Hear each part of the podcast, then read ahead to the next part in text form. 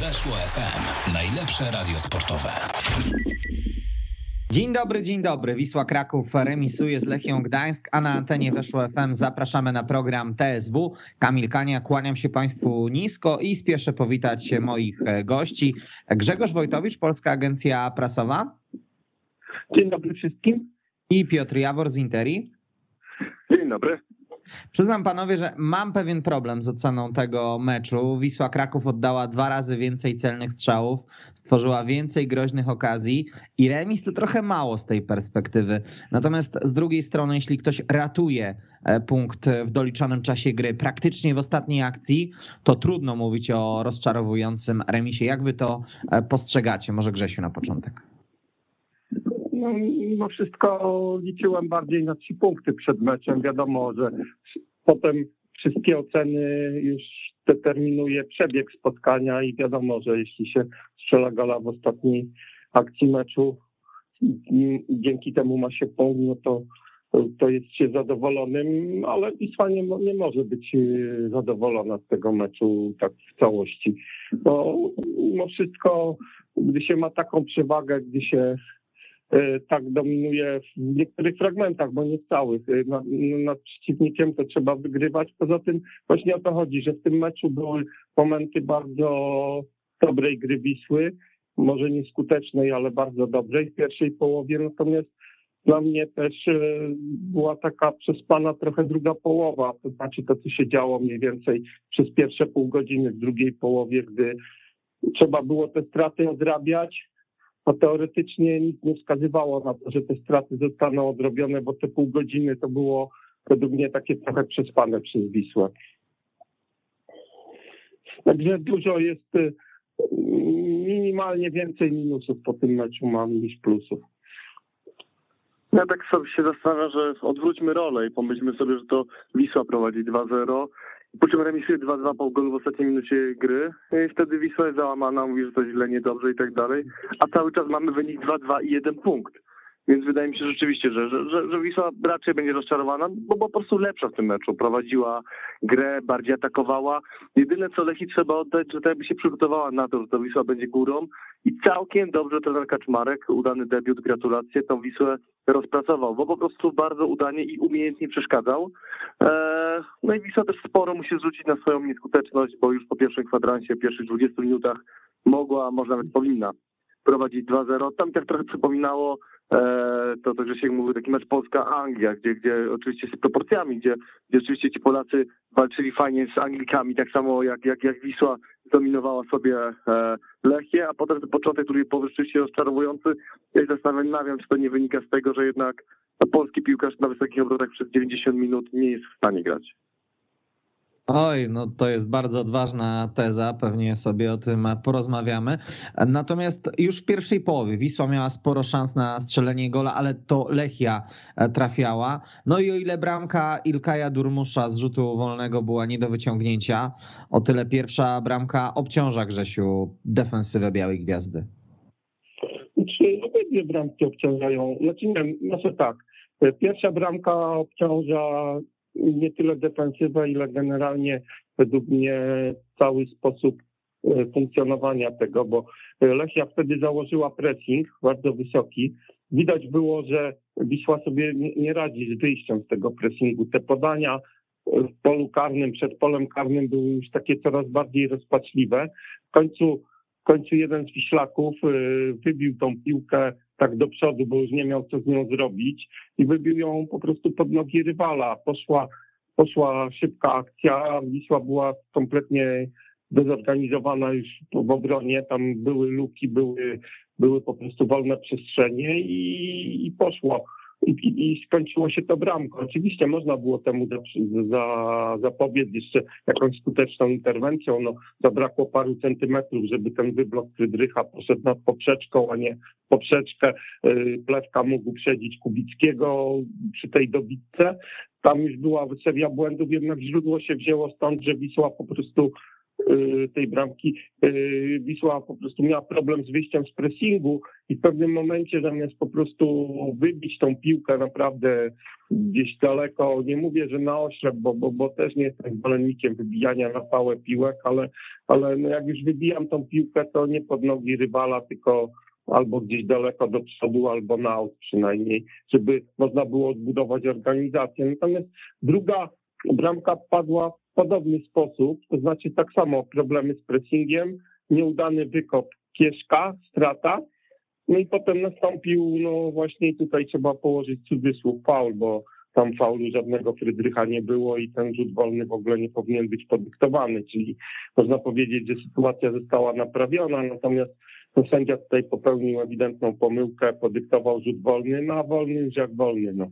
Mocny strzał pod poprzeczkę, taki trochę spadający liść, no i, no i, i się zrobiły mega kłopoty. Ja się chyba z wami wszystkimi e, zaraz pokłócę, bo Kamil wspominałeś, że, że, że druga bramka bez szans z rzutu wolnego. Ja jestem w stanie sobie wyobrazić bramkarza, jakby jestem daleki od mówienia zero-jedynkowego traktowania bramkarzy, że szmata albo świetna interwencja, ale uważam, że przy tej bramce można było zrobić więcej. To nie był strzał idealnie pod poprzeczkę, to nie był strzał super wróg. E, był ten oczywiście spadający liść, ale to też nie był uderzenie z nie wiadomo z jaką rotacją. No, nie wiem, czy się zgodzicie, ale według mnie są bramkarze w Ekstraklasie, którzy ten strzał obronili. E, tak samo jak Alomerowicz bronił w sytuacjach, co prawda sytuacyjnych, ale bronił strzały, których normalnie uznaliśmy się nie do Tak samo uważam, że Kieszek mógł przy tym strzale zrobić coś więcej. Tym bardziej, że on nie był bardzo precyzyjny. Był bity specyficznie, ale nie był bardzo precyzyjny. Co do faulu Frydrycha, yy, też nie będę zero-jedynkowy, nie powiem, że tam faul był, ale wydaje mi się, że tam ruch yy, lekki nogą Czecha był. Yy, jeden z rywali też wiedział, jak to wykorzystać.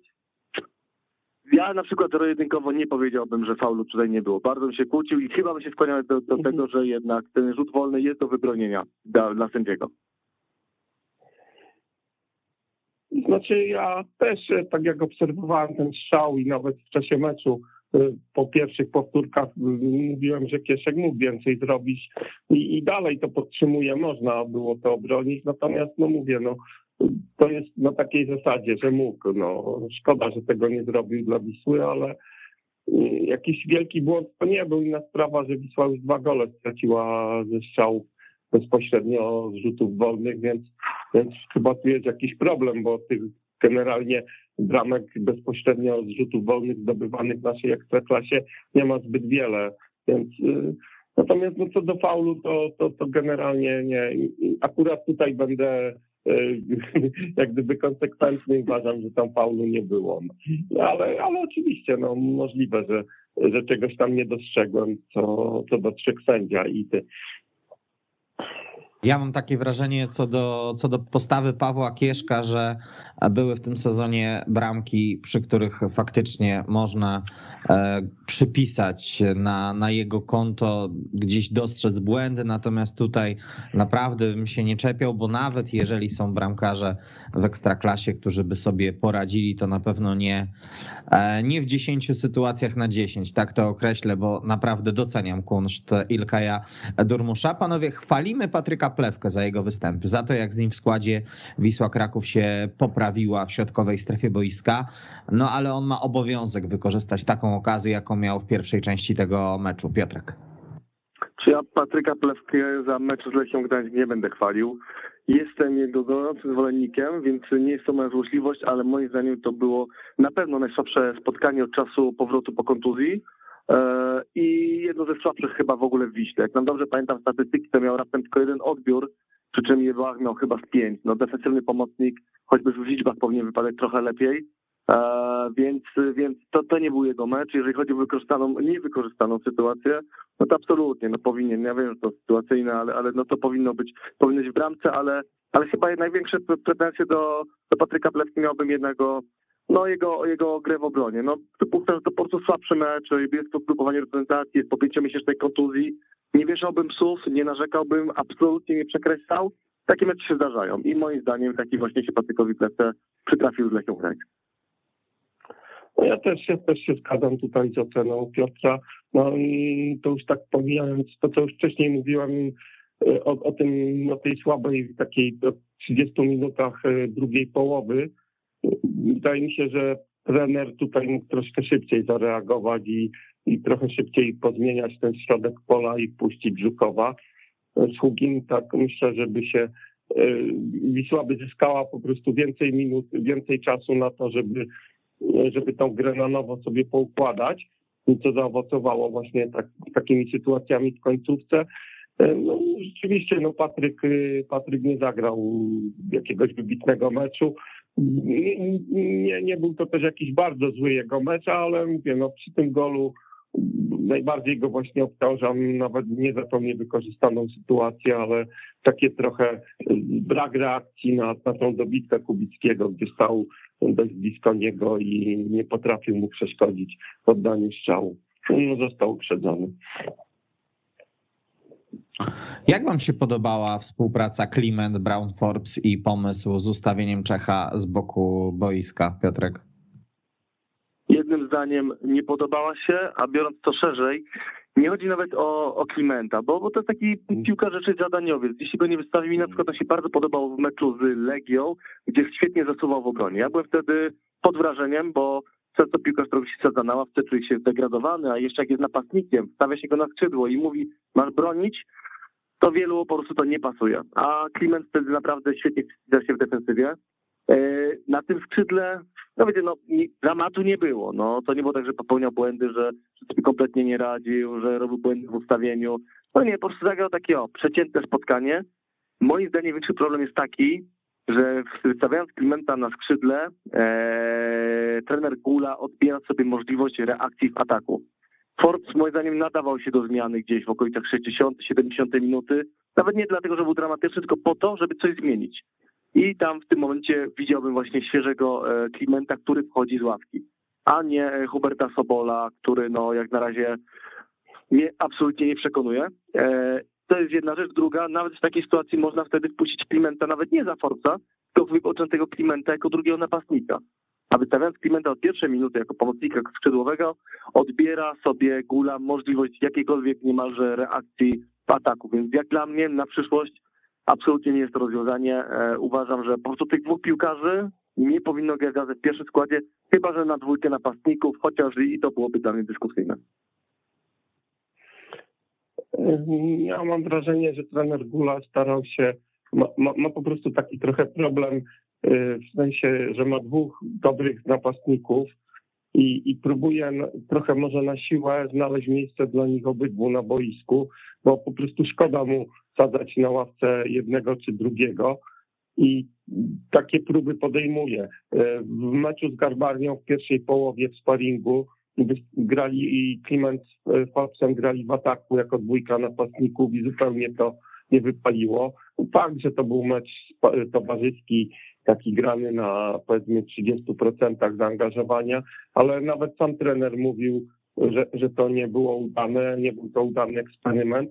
Spróbował Y, właśnie tego eksperymentu z przesunięciem Klimenta na skrzydło, bo tutaj miał pewną jakąś lukę, Muński był po, po kadrze, Starzyński też, także za bardzo tam nie miał jakiegoś mocnego kandydata, zresztą Muński chyba w ogóle miał jakiś uraz i nie mógł w ogóle grać, więc, więc spróbował tego rozwiązania. No i, no i szczerze mówiąc wypadło to średnio, no nie, nie, nie, Inna sprawa, że w tej pierwszej połowie gra ofensywna Wisły poza wykończeniem, poza brakiem skuteczności nie wyglądała źle, no ale, ale czegoś tam brakowało, brakowało tej skuteczności do grania dobrego.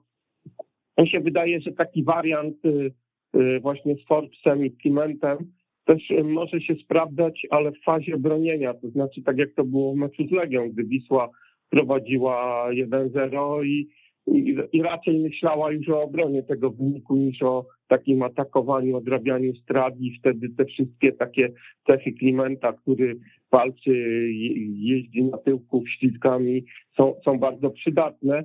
Natomiast yy, wydaje mi się, że tutaj no, no, no po prostu no, trzeba postawić sprawę jasno. Yy, Ford z Klimentem rywalizują o miejsce w składzie. Myślę, że, że powinni jakoś swoje ambicje schować do kieszeni, bo dla jednego i dla drugiego będą minuty w meczu. Nie jest ważne, czy ten wyjdzie pierwszy, czy ten drugi, bo na pewno jeden i drugi się w trakcie gry pojawi. Teraz jest pięć zmian w składzie, więc możliwości są, są duże i myślę, że, że po prostu tak trzeba ich motywować do gry, że dobra, zaczyna jeden, ale będzie kończył drugi, jest tak samo ważny jak ten, który zaczyna. I, i, i raczej w tym kierunku, i zwłaszcza, że to, co Piotrek mówił, że też to daje jakieś tam możliwości reakcji w trakcie meczu, a gdy są obaj razem, to już y, te możliwości reagowania są ograniczone. Natomiast co do y, Sobola, to nie byłbym taki y, jakiś mm, drastyczny w ocenach, no bo po prostu na razie ten chłopak tak naprawdę nie dostał żadnej szansy jeszcze, więc, więc wiadomo, na pewno jest gorszy od tej dwójki, no bo gdyby był był lepszy, to pewnie by dostawał jakieś minuty, ale jeszcze bym e, go nie, e, nie deprecjonował. Ja absolutnie też go nie skreślam, a nawet tak sobie teraz przypominam tę sytuację, przypominam sobie, że to na Sobolu był faul, gdzie był rzut wolny, z którego później był rzut rożny, którego była bramka na 2-2. Eee, więc może tak trochę daleko idące, absolutnie żadne asysty mu nie przypisuje, daleko idące jakby powiązania, ale to rzeczywiście Sobol tam się zastawił, przetrzymał tą piłkę i to on był faulowany tam w końcówce meczu, więc jakby no po prostu ten chłopak na razie jakby nie przekonał, no ale to też rzeczywiście nie ma tego wiele. Ja może mam cały czas w głowie mecz z Termaliką Mieciecza, gdzie on chyba raz uderzał głową i miałem wrażenie, że to by było bardziej trafienie piłką w głowę niż, niż uderzenie głową, po którym ja za głowę to się złapałem. Klimenta zmienił Dorhugi, który pokazał się ze świetnej strony. Dwie asysty przy bramkach Michala Frydrycha, szczególnie ta druga zasługuje na docenienie, bo to było dogranie na nos. A tych asyst byłoby więcej, gdyby Brown Forbes nie trafił w słupek, Grzesiu. Tak, no tylko to jest takie też troszkę liczenie. No pewnie jakby Brown Forbes trafił nie w słupek, a do bramki, to nie byłoby tej potem następnego gola Frydrycha, bo to w zasadzie nastąpiło w następnej akcji, kolejnej akcji, czyli tam minutę czy półtorej później, więc y, więc to wszystko by się też pewnie inaczej potoczyło, no ale y, no, to była tego mnie kluczowa zmiana w tym meczu, no i nagle te akcje Wisły zaczęły się jakoś zazębiać, zaczęły dochodzić jakieś podania. Po tym, podkreślam, maraźmie, który był przez pierwsze 20-30 minut drugiej połowy i, i na pewno no on, już, on już w meczu z, z sparingu z Garbarnią zaliczył bardzo ładną asystę przy pierwszym golu, więc widać było, że jak gdyby odzyskuje formę, może nie odzyskuje, że, że, że, że zaczyna coś wnosić do tej drużyny i e, myślę, że nagle zawodnika, który powiedzmy nie załapał się na ławkę rezerwowych w meczu z Legią, no stał się chyba jednym z głównych kandydatów do miejsca w składzie na lewym skrzydle w meczu z Lechem Poznań, więc, więc taki przeskok dość duży może być w jego przypadku, jeśli chodzi o jego sytuację, pozycję w zespole.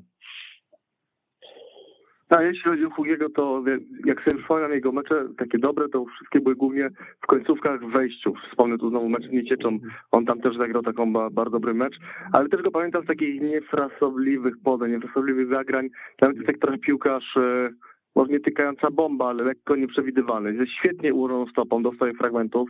Na takiego piłkarza e, chciałbym mieć wiele, wiele zespołów u siebie, e, ale jednak taki momentami niefrasobliwy, e, bardziej dający radę w ofensywie niż w defensywie. I jeżeli chodzi o pierwszy skład na mecz z Lechem Poznań, oczywiście, że jest to opcja i oczywiście, że sobie zasłużył, ale idąc moim tokiem rozumowania, e, chyba wolałbym go mieć na ewentualne gonienie wyniku bądź dociśnięcie Lecha w drugiej połowie. No chyba, chyba, chyba rzeczywiście masz rację, tylko mówię, no to będzie też pewnie zależało od tego, w jakim stanie zdrowia jest Miejski, w jakiej formie, no bo no bo nie sądzę, żeby trener się też decydował drugi raz na wystawienie Klimenta tam na tej pozycji. No to prawda, zrobił się spory chyba, chyba, też, chyba też na razie nie jest mm, przewidywany do podstawowego składu na Lecha, więc, więc myślę, że ma duże szanse na to, żeby, żeby jednak wyjść w podstawowym składzie. Aczkolwiek mówię, na razie sprawdzał się w roli w roli e, e, takiego zawodnika, który wchodził z ławki i dodawał trochę animuszu drużynie, więc, więc też warto nad tym aspektem się zastanowić, czy on będzie również tak samo wydajny, jeśli zacznie grać od pierwszej minuty. O składzie na spotkanie z Lechem to jeszcze sobie porozmawiamy w dalszej części tego programu. Wróćmy jeszcze do tego, co działo się podczas meczu Wisła-Lechia. Czerwona kartka dla Serafina Szoty to taka z tych, o które trener no, chyba nie miał żadnych pretensji, bo gdyby Szota nie powalił Konrado w końcówce, Wisła nie miałaby szans na wyrównujące trafienie, bo zapewne zrobiłoby się już 1 do 3, Piotrek. Ja powiem tak, że jakby dla mnie tym, jakkolwiek to zabrzmi, Szota tą żółtą kartką bardziej przyplusował niż, niż zrobił sobie krzywdę. Oczywiście no, nikt nie lubi być wzięty na raz, a taka była sytuacja, ale no, jednak wyszła taka, no jego już mimo młodego wieku dojrzałość. No wiedział, że musi ciąć, mimo że ma tą żółtą kartkę. Czy to był odwrót, czy to było przemyślane e, zagranie, tego nie wiem, ale, ale zrobił to, co należało zrobić. E, a może mówię też tak dlatego, że naprawdę jestem e, pełen optymizmu, jeżeli chodzi o tego chłopaka. Wszedł do składu, jego hasło w ogóle, gdzie on będzie, że on się, że on jest dobry, że on da radę. On się I, i, I jeżeli chodzi o defensywę, to on dla mnie był lepszy niż Michał Frydrych w meczu z Lechią Gdańskie. Minimalnie, ale jednak lepszy, bardziej bym go pochwalił. Oczywiście to Frydrych bezsprzecznie jest bohaterem spotkania, ale Serafin Szota naprawdę duży plus za ten mecz, za mecz z Legią. To chłopak robi duże postępy. No i Maciej Sadlok chyba niepocieszony siedzi na ławce rezerwowych, bo wie, że jak tak dalej pójdzie, to szybko może do składu nie wrócić. Tak, no, no, no ta żółta kartka, znaczy ta druga żółta kartka wynikała z tego, wiadomo, no, no w doliczonym czasie gry, gdy się przegrywa, to się gra na dużym ryzyku.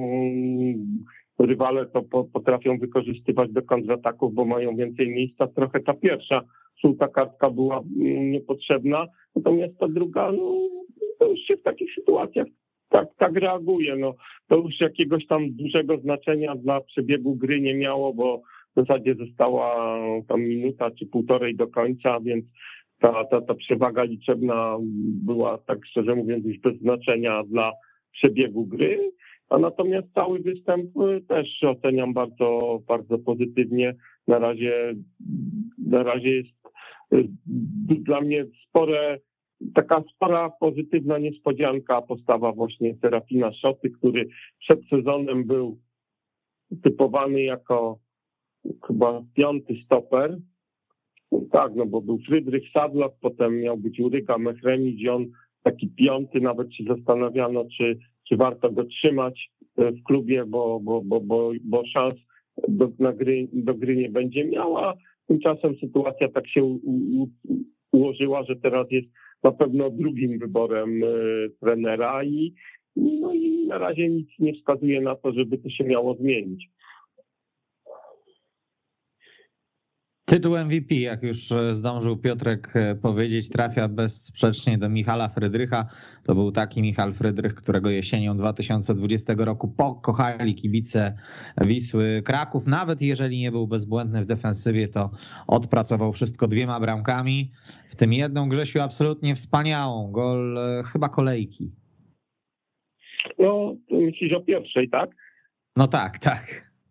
Tak, no piękny strzał, natomiast ja tak e, jeśli już, to bardziej cenię tą drugą bramkę, e, bo tam to nie był, to nie był taki strzał głową, że piłka przyleciała i wystarczyło tylko dołożyć głowę i wpadła, tylko naprawdę tam trzeba było popracować, nadać kierunek, to trzeba obejrzeć yy, za bramki, ta, ta powtórka to była naprawdę duża praca wykonana, odpowiedni strzał i myślę, że nawet trudniejszy niż, niż ten E, na 1-0, który był, no, na 1-2, który był bardzo efektowny, ale ta druga bramka naprawdę pokazała, że, że głową to on grać potrafi. No tak mi się taki trochę szarmak przypomniał i niektóre jego bramki właśnie strzelane głową w taki sposób, gdzie, gdzie po prostu trzeba było popracować i odpowiednio ułożyć ciało do piłki, żeby nadać jej taką odpowiednią rotację, siłę i, i on to zrobił. To, co mówi Grzegorz, jeżeli chodzi o tą technikę strzału, to to jest bardzo ważna kwestia. Rzeczywiście, ja tu jeszcze zwrócił uwagę na to, jak on sobie wywalczył pozycję, bo tam któryś z obrońców Lechii, już nie pamiętam, który miał bliżej do tej piłki, tylko że on na tą piłkę czekał, a Frydrych naprawdę poszedł na nią pazernie. Na zasadzie muszę ją dorwać, bo to jest strzał na 2-2. Obrońca Lechii nie myślał, muszę to wybić, bo to jest na wagę trzech punktów, a Frydrych myślał, muszę to dorwać, żeby było 1-1. Nie, tam wyprzedził tego obrońcę, zostawił go za plecami. E, tak wiadomo, często jest dużo, dużo trudniejsze w przypadku napastnika, bo obrońca ma to wybić gdziekolwiek, a napastnik ma nie tylko wywalczyć pozycję, to jeszcze kierować piłkę do bramki. I ja to, no może nie chcę przesadzać i rysować nie wiadomo jakich scenariuszy, ale tu naprawdę Frydrych tą walką o tą piłkę pokazał, że to jest pan kapitan. Eee, wiecie, jakby jeżeli ktoś wchodzi do szatni, panowie walczymy, to czasami jest to pusty slogan. A tutaj widzisz, że, że, że to jest zawodnik, który rzeczywiście wsadzi tam głowę, powalczy, wystawi łokieć, e, nie odstawi, e, nie, nie odsunie się nawet na, na, na milimetr, tylko wie, że po jak idzie taka piłka, to, to, to może być piłka meczu. I, I to naprawdę bardzo, bardzo mi zaimponował, no bo, bo miał to, czego nie miał piłkarz Lechii. I teraz dzięki temu Wisła ma punkt, a Lechia straciła dwa. Przypomniał się, tlo, przypomniał się trochę klep. Proszę? Halo? Mówię, że przypomniał się trochę Kleber, 25 numer na koszulce, środkowy No. obrońca zdobywający bramki. Tylko, No, że rywalem nie była tak, Barcelona, nie?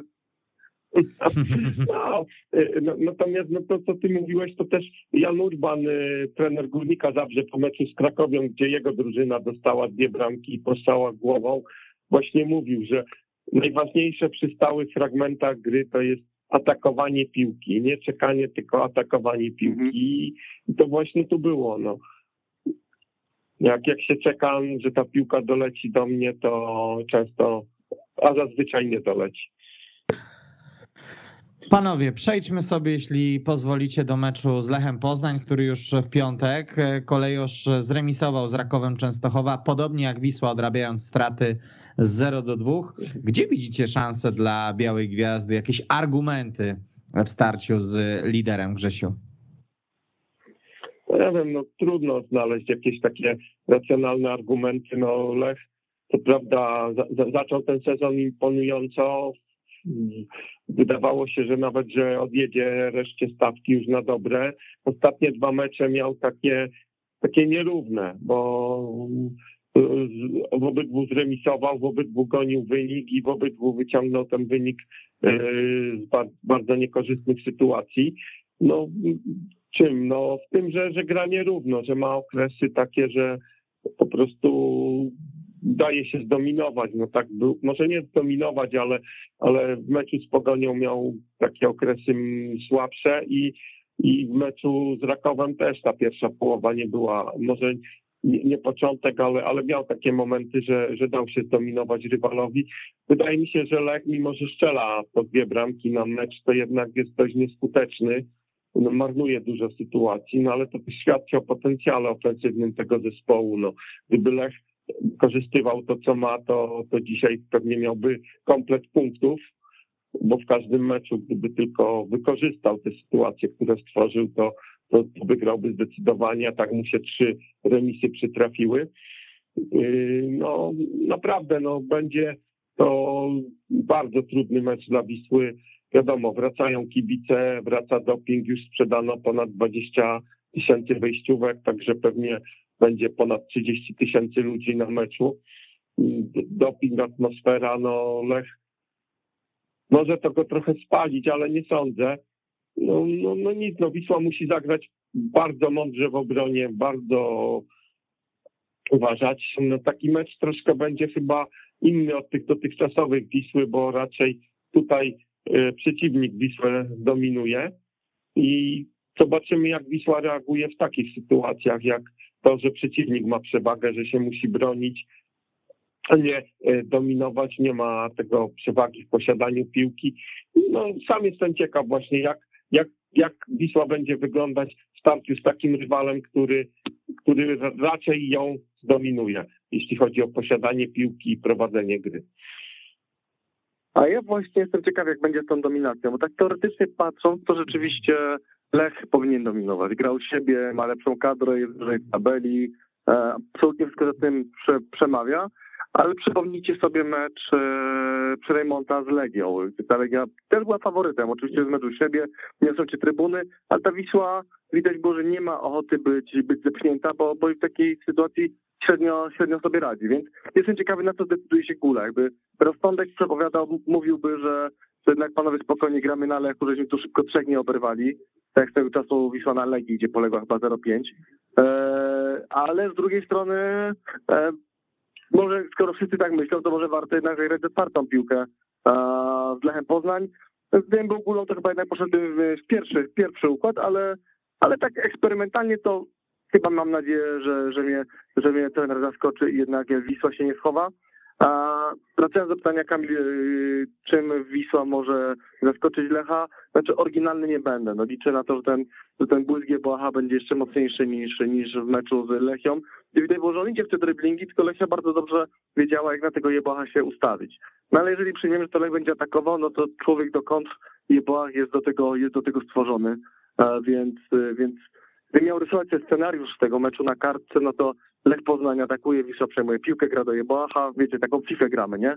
Jebłach tam kręci dwóch czy trzech, strzela bramkę i Wisła wygrywa 1-0 i wraca i jest y, tam na szczycie tabeli. Lech jest jedną z dwóch drużyn, która jeszcze nie przegrała. Mm, trochę mi to, co naszkicowałeś, Piotrek, uderza w pytanie, które chciałem wam zadać, no ale trudno. Wzięlibyście e, remis w ciemno, bo bukmacherzy nie dają zbyt wielkich szans Wiślakom, ale ja mam wrażenie, że e, drużynę Adriana Guli stać na zwycięstwo z każdym zespołem w Polsce. Wisła jest szalenie nieprzewidywalna, natomiast ta nieprzewidywalność, żeby być uczciwym, działa w obie strony, czasami w kierunku cieniowania długimi fragmentami, kiedy nikt by się tego nie spodziewał, Grzesiu. Znaczy, ja remis oczywiście wziął w ciemno. Uważam, że, że, że to byłby bardzo dobry wynik dla Wisły. No, nie wiem, czy Wisła jest w stanie wygrać z każdym. No, pewnie tak, w tej lidze każdy jest w stanie wygrać z każdym. Może, może, może niekoniecznie tam Łęczna z Legią, ale, ale Proszę nie deprecjonować nie Górnika Łęczna. Miałem okazję właśnie, komentować spotkanie poniedziałkowe po Górnika. Meczu, po ostatnim meczu Łęcznej też, też nie, nie byłbym taki w stu procentach pewny. Więc, więc to wiadomo, wszystko zależy od jakiejś tam dyspozycji dnia, odłożenia się. Natomiast no, ten scenariusz, który narysował Piotrek może się ziści. Tak będzie. Natomiast ja myślę, że że, jest, że jednak dla mnie nie jest zbyt realny, ponieważ wydaje mi się, że Wisła nie będzie w stanie zagrać na zero w Poznaniu mimo wszystko. Lech ma taki potencjał w ofensywie, tak, taka, to jest taka maszyna z przodu, że, no, że, że tam by się musiało złożyć mnóstwo elementów. No, jakiś fenomenalny mecz Kieszka, no naprawdę bezbłędna gra obronie, pudłowanie napastników Lecha, żeby, żeby to się zakończyło na zero. Oczywiście ja też uważam, że Wisła nie będzie z założenia grała, ustawi się w polu karnym i zbijała piłki, grała defensywnie i odda dominację Lechowi, tylko mm, będzie chciała grać ofensywnie i, i utrzymywać się przy piłce, no jest tylko problem, czy będzie w stanie, bo co innego chcieć, a co innego zrealizować pewne założenia taktyczne. Także Myślę, że no remis to był, był naprawdę bardzo dobry wynik dla Wisły. No ale o to też będzie, będzie pewnie ciężko. Nie no, moim zdaniem punkt, to wiecie, z podziękowaniem, z pocałowaniem w rękę, no bo jak y, jesteś drużyną, która tak naprawdę jest budowana, y, po czym grasz z Legią, wygrywasz, że misujesz w Poznaniu, to to są bardzo dobre wyniki, e, które też budują ten zespół, bo pamiętajmy też o tym, że ja jak najmniej staram się zerkać się w tabelę. Ja wiem, że to miał być ten etap, kiedy Wisła miała być e, coraz mocniejsza i grać już o coś, ale jednak biorę pod uwagę to, że poprzednie pół roku zostało zmarnowane na, na trenera Chybale i w tym momencie jest czas budowania tego zespołu które co idzie całkiem, całkiem dobrze i nie powinno się tego zaburzać zbyt wysokimi oczekiwaniami. No w tym momencie minister listy tabeli dla mnie jest na wyrost.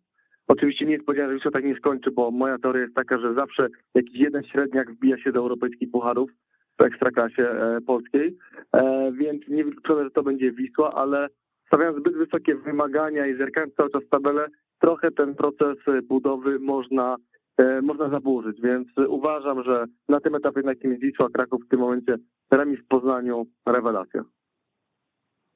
No, na razie patrzenie w tabelę to tak specjalnie nie ma większego sensu, bo te różnice są naprawdę mikroskopijne. Mm, w sumie no, no, między 15 y, górnikiem, a czwartą Wisłą jest 4 punkty różnicy, czyli dystans dwóch meczów niecałych, także że tu, tu, tu, tu wszystko jest jeszcze uwarunkowane tym, że e, z kim się grało, jaki był terminarz. Niektóre zespoły tam częściej grały na wyjazdach, inne, inne częściej u siebie, więc tu jest jeszcze tabela zupełnie jakaś taka niepoukładana, zwłaszcza, że, że, że pozycja Legii czy Rakowa też ze względu na te przełożone mecze jest jakaś taka nieadekwatna do, do, do możliwości to, co mówisz Piotrek, no, no, no Wisła musi yy, rozbudzenie jakichkolwiek oczekiwań jest, jest bez sensu. Zresztą myślę, że kibice też chyba to trochę rozumieją, bo w tym meczu z Lechią nie było jakiejś irytacji, gdy drużyna przegrywała, doceniano to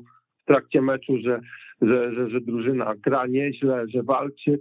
No i ten remis został przyjęty też prawie jak zwycięstwo przez kibiców nikt tam nie miał jakichś pretensji, nie było gwiztów w czasie meczu czy irytacji. Po prostu doceniono to, że, że ta drużyna gra to nie była taka Wisła z poprzedniego sezonu, że jak traciła jednego, drugiego gola, to było wiadomo, że nic już z tego nie będzie, można iść do domu. Natomiast tutaj można było się nawet do tej ostatniej akcji łudzić, że ten punkt zostanie uratowany.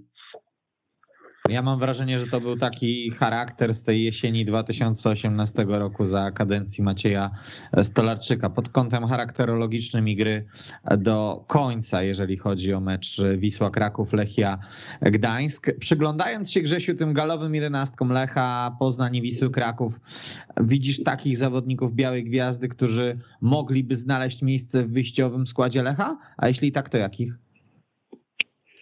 Wiem, no myślę, że pewnie Jeboa by tam znalazł sobie miejsce, chociaż też Lech ma bardzo mocne skrzydła, jednak taki drybler, taki zawodnik, który robi różnicę w pojedynkach, który dryblować, no by tam pewnie Skorża go jakoś umiejętnie wkomponował do środka. Nie wiem, może nawet Frydrych by się tam załapał, bo ja jakoś mimo wszystko do stoperów Lecha nie mam specjalnego przekonania. No i pewnie tyle. Piotrek? Ja chyba, chyba myślę podobnie. Co do Frydrycha, pamiętając jego początkową rundę, no to myślę, że dzisiejszy Frydrych tak, ten z początkowej rundy i z końcówki zeszłego sezonu niespecjalnie, no jebach z szansami oczywiście, no ale pamiętajmy, że w Lechu na ławce siedzą tacy piłkarze na przykład Tiba, więc jakby, e, jakby przy samej jebach te liczby E, nie rozłożył mu czerwony dywanu do pierwszego składu, e, więc, e, więc no chyba tyle. No, w tym momencie samo to, jak rozmawiamy o Wiśle Kraków i porównujemy ją z Lechem Poznań, to wychodzi nam jednak jaka jest, jaka jest w tym momencie siła kadrowa Wisły Kraków. Znaczy, ja oceniam dość wysoko, ale nie tyle wysoko, żeby rywalizować z obecnie poukładanym przez trenera Skorze Lechem Poznań, więc jeżeli chodzi o indywidualności, no to chyba by było na tyle. Bo wiesz, chyba oceniasz dość wysoko przez standardy, jakie w Wiśle były w ostatnich sezonach, e, jeżeli chodzi o kadrę, a, a nie na tle innych zespołów, prawda? E, no tak trochę jest. Nawet to, co mówiliście, że ta Wisła walcząca trenera Stolarczyka, to to się zgadzam, tylko na przykład dzisiejsza Wisła w meczu z Lechią, ja miałem wrażenie, że ona ma przekonanie, że ona jest na tyle mocna, żeby po prostu wyrównać to, żeby wyrównać, ten, wyrównać wynik, no bo ona widziała, że dominuje, że, mam wrażenie, że ta Wisła coraz bardziej czuje, że jest mocna. Z tego też wynika to, co na początku teraz mówił Grzesiek, że e, to rozgrywanie piłki, to nie wybijanie byle gdzie. Po pierwsze tego chce od nich Gula, po drugie oni czują, że to, o czym Gula mówił, czego nie mieli na początku sezonu. Każdy miał obawę wejść w piłkę stykową, wejść w dribbling, bo bał się, że popełni błąd. I on mi to wkłada do głowy, wkłada, wkłada. Czasami takim efektem, jak to miał meczu z Lechią Gdańsk, że Wisła myślała, że to piłkę rozegra do końca i dopiero jak się zrobił pożar, to zaczęło się jego nieudolne gaszenie. Ale jednak mam wrażenie, patrząc na Wisłę, że ona coraz bardziej czuje, że to jest po prostu mocna, że jest niezła i że idzie to w dobrą stronę. Czuje to, czego nie czuła przy, przy trenerze Chybali, ale to rzeczywiście taki przykład zupełnie odjechany w drugą stronę. E, ale czuję tak jak na przykład w meczu z Legią, że może na tej Legii usiąść i nie skończyć to stratą trzech bramek. E, bo jakby ci piłkarze, ta drużyna, no, piłkarze swoją drogą, ale myślę, że ta drużyna poukładana w tym momencie przez górę, tak jak jest poukładana, one zaczyna czuć się po prostu mocne. Ja nieprzypadkowo wywołałem drużynę Macieja Stolarczyka, bo przypominam sobie sezon 2018-2019. Lech też zaliczył znakomity e, początek ligi, a tymczasem w Poznaniu Wisła triumfowała 5 do 2. Natomiast e, no, wydaje mi się, że kadrowo jednak te dysproporcje między oboma zespołami były wtedy Grzesiu mniejsze. No tak trudno, trudno ocenić, że ten mecz wtedy to był taki wybitny, jeśli chodzi o Wisłę, można powiedzieć, taki apogeum, e, apogeum drużyny Stolarczyka. No może jeszcze później ten wygrany mecz 4-0 z Legią już na wiosnę, no ale tamtej jesieni to było wtedy taki apogeum tej drużyny. Nie wiem, no nie no, jakiś tam porównań do tamtego meczu bym nie wyciągał, bo to jednak zupełnie inne składy. Nie wiem, czy dzisiaj jeszcze tam ktoś został z tej, z tej drużyny. W Lechu pewnie też się większość zawodników na pewno wymieniła, więc, więc trudno to, to, to porównywać. No może tylko w kwestiach tego, że Lech był faworytem i przegrał, no ale e, pamiętajmy, że Wisła też e, w zeszłym sezonie wygrała w Poznaniu w ostatnim meczu w grudniu gdzie Lech co prawda był już wtedy taki totalnie dobity po tych pucharach, po tej nieudanej rundzie, no ale też y, Wisła tam zagrała dobry mecz i, i wygrała. Bardzo ważny mecz taki był wtedy dla, e, dla morale zespołu, więc y, na pewno na pewno Wisła może tam wygrać, no bo dlaczego nie, no skoro wygrała rok temu, gdzie miała beznadziejny skład, bardzo słaby skład, nie powiem, że beznadziejny i, i pamiętam, że grała wtedy też y, z, z taką defensywą zupełnie przetrzebioną przez kartki, a potrafiła wygrać, to, to, to tym bardziej teraz powinna, no, może powalczyć. No, z drugiej strony... Ciekawy jestem, jak, ciekawy jestem, jak, jak trener Skorża jaki trener Skorża skład wystawi, bo on też tak na raku w pierwszej połowie dał szansę takim kilku piłkarzom, którzy wcześniej y, mniej grali, typu Radosław Murawski i tak dalej, więc myślę, że ta, ten skład bardziej z drugiej połowy Lecha wyjdzie na Wisłę niż ten z pierwszej na Rakowa.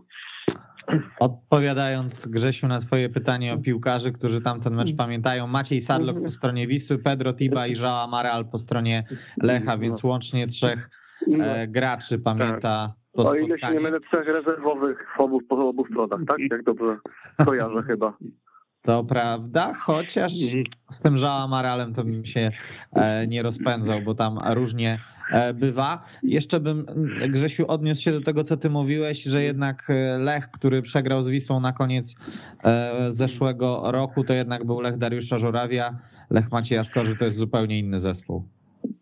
Nie, no to oczywiście ja, ja to zaznaczyłam, że oni wtedy byli już totalnie zdołowani przegrywali z wszystkimi, bo tam wcześniej ich pogoń chyba upokorzyła u siebie, także że, że też to nie był ten Lech y, obecny, dlatego Dlatego właśnie mówię, że teraz zadanie będzie trudniejsze, chociaż Wisła jest mocniejsza niż była ta w grudniu zeszłego roku, no ale Lech też jest zdecydowanie mocniejszy i to nawet nie chodzi o personalia, ale o taką mentalność. Y, y, to była wtedy zdołowana totalnie drużyna, a teraz no to jest lider ekstraklasy, który, który będzie chciał budować przewagę nad resztą stawki i wykorzystać jakieś tam, nie wiem, właśnie problemy Legii, która, która jest, tak jak w zeszłym roku był Lech zaangażowana w puchary, a nie w ekstraklasę. Rozmawialiśmy o Hugim w kontekście wyjściowego składu Białej Gwiazdy na mecz w Poznaniu. Jaką jedenastkę chcielibyście zobaczyć w piątek? Piotrek. Obronę zostawiamy bez zmian, bo mimo straty dwóch bramek moim zdaniem funkcjonowała e, całkiem dobrze. E, tak, e, skrzydła, oczywiście jest Jeboa. No wolałbym to jakiegoś innego piłkarza na drugim skrzydle niż Kliment. No myślę, że wszystko tu jest zależne, to już wspomniał, od tego, jak to się prezentuje zdrowotnie. No oczywiście zawsze jest taka opcja, że zaczyna się z Klimentem, potem Klimenta przesuwa się na drugiego bądź jedynego napastnika i, tam się wrzuca któregokolwiek innych piłkarzy. E, prawda to jest taka, że jakby tam w tym momencie nie ma piłkarza, którego, za którym bym tęsknił. E, bo nie jest piłkarz taki ani Młyński, ani Starzyński, za którym bardzo mocno trzymam kciuki, bo ja miałem nadzieję po pierwszych sparingach jego uchybali, e, że to będzie naprawdę boom i odkrycie, tymczasem trochę mnie zawodzi, biorąc pod uwagę, że chłopak ma e, 17 lat. E, jeśli chodzi o, o, o, o pomoc, e, chętnie bym chyba e, zobaczył Żukowa, e, wiecie, e, i tylko mam tu problem, bo musiałem się ustawić na maksa defensywnie, bo chciałbym widzieć też i El Magdujego i też, e, i też Plewkę, bo e, Plewce się to nie należy do ostatni mecz, ale absolutnie nie jestem za to, żeby go stać na ławce, żeby czasem nie pomyślał, że, że dał ciała po całości. Dla mnie to był wypadek przy pracy e, i mam wrażenie, że ten, no to chłopak powinien grać. Mam właśnie problem ze szkwarką. No, jest to potrzebny ofensywny pomocnik, ale z drugiej no, nie rozmawialiśmy o nim w kontekście meczu z Lechią Gdańsk, ale to było moim zdaniem chyba jedno ze słabszych jego spotkań. Ja w ogóle zastanawiam się, czy nie zagrać taką opcją, że El Mahdui, żeby zagrał trochę wyżej, na przykład Żukow z tyłu, El Mahdui w miejsce, w miejsce szkwarki w tym układzie, ale mimo wszystko myślę, że, znaczy razem nie, chciałbym zobaczyć jak to wygląda, ale będąc trenerem tego nie zaryzykował. Dwa, myślę, że szkwarka y, też jest w stanie dać sporo, tak jak dał sporo w meczu z Legią. No i z przodu w tym momencie Brown Forbes. I 11 chyba zebraliśmy. No, ja, ja mam takie same wnioski, jak gdyby te same obawy. No, jeśli chodzi o Skwarkę, to rzeczywiście on zagrał słabiej i myślę, że jego postawa, taka może nie mentalna, ale taki trochę brak jakości, takiego brak takiego ostatniego podania, wykończenia, dokładności w końcowych fazach akcji sprawił, że Wisła tych bramek z Lechią nie strzelała wcześniej, y, że, że tu po prostu zam, tych sytuacji nie było aż tyle wykreowanych, ile mogło być. Y, on, on rzeczywiście miał taki, taki trochę słabszy mecz. Natomiast no, trudno, żeby Wisła wyszła, nie wiem, y, w trójkąt takich powiedzmy trzech defensywnych pomocników, czyli żeby Żukow skoczył za skwarkę. No, może taki wariant byłby i niezły na Lecha, jeśli by się y, wymyśliło, uznało, że warto zastosować taką mocną, wzmocnioną defensywę, w zasadzie bronimy tego 30, 30 20 metra prawie całym zespołem i wypuszczamy y, szybkiego skrzydłowego na kontry. Y, nie wiem, może taka taktyka byłaby i skuteczna na Lecha i pewnie by mu więcej problemów stworzyła, ale znając trenera Gula nie sądzę, żeby on się na taki wariant zdecydował, jak y, na taki stricte defensywny wariant gry na pewno będzie szukał grania do przodu i oczywiście nie, nie wiem, czy, czy, czy to się opłaci per saldo, no ale myślę, że będzie to zgodne z jego filozofią. Jeżeli mogę ostatnio że zapytać, co byście o tym, żeby El Magdui zagrał jako taki fałszywy, ofensywny pomocnik? Bo ja mam takie wrażenie, że ten chłopak umie kopnąć piłkę do przodu, mimo że ma przypiętą łapkę defensywnego pomocnika. Wiesz to nie wiem, na razie jakimś takim żadnym kluczowym podaniem, asystą nie popisał się, natomiast no, on jest jego rola jest taka, że on jak gdyby jest pierwszym takim zawodnikiem, który odbiera piłki od stoperów, od bramkarza przy wyprowadzaniu akcji. Y, tak operuje trochę bliżej własnego pola karnego, jak gdyby zaczyna te akcje Wisły. Nie wiem, jak on by się odnalazł, tak powiedzmy, za napastnikiem. Na pewno jest wyszkolony technicznie, ma przegląd pola. Myślę, że ma jakieś cechy takie, które by Y, sprawiły, że on mógłby być ofensywnym pomocnikiem, takim, taką nawet, nawet dziesiątką klasyczną, no ale nie wiem, jakoś jest wykorzystywany bardziej z tyłu. No, chciałbym też zobaczyć go w jakimś przynajmniej fragmencie meczów, y, gdy on gra tak właśnie bardzo bliżej pola karnego rywala, gdy, gdy odpowiada za to już takie finalizowanie akcji, w sensie tym, że, że dogrywa piłki już takie w pole karne. Chłopak z Akademii Ajaxu, więc mm. stempel jakości być e, musi. Jestem przekonany, że potrafi grać do przodu, ale chyba na miejscu trenera też bym e, taki wariant sobie zostawił na mecz sparingowy, a nie na mecz ligowy z liderem tabeli.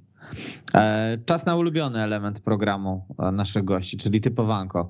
Piątek, 20.30, Poznań, Lech kontra Wisła Kraków. Jak będzie Piotrek 3-1, ale dla kogo? 3-1 dla Lecha, wiecie co, no jakby e, tak, no patrzę na to racjonalnie. Jest Poznań, jest lider, jest druga mocna kadrowo. E, niech będzie fajny mecz, ale jednak no tylko takie raczej rzeczy irracjonalne przemawiają mi za Wisłą Kraków, a więc jednak 3-1 dla Lecha Poznań. No ja też miałem dać 3-1 dla Lecha, a w takim razie dam 3-0. Dobrze, drodzy Państwo, to by było na tyle, jeżeli chodzi o audycję TSW po meczu Wisła Kraków, Lechia Gdańska przed spotkaniem Lech Poznań Wisła e, Kraków. Moimi gośćmi byli dzisiaj Piotr Jawor, Interia, Dziękuję bardzo, do widzenia. Grzegorz Wojtowicz, Polska Agencja Prasowa. Dziękuję bardzo. Za uwagę i wspólnie spędzony czas dziękuję także Kamil Kania. Do usłyszenia. Weszło FM. Najlepsze radio sportowe.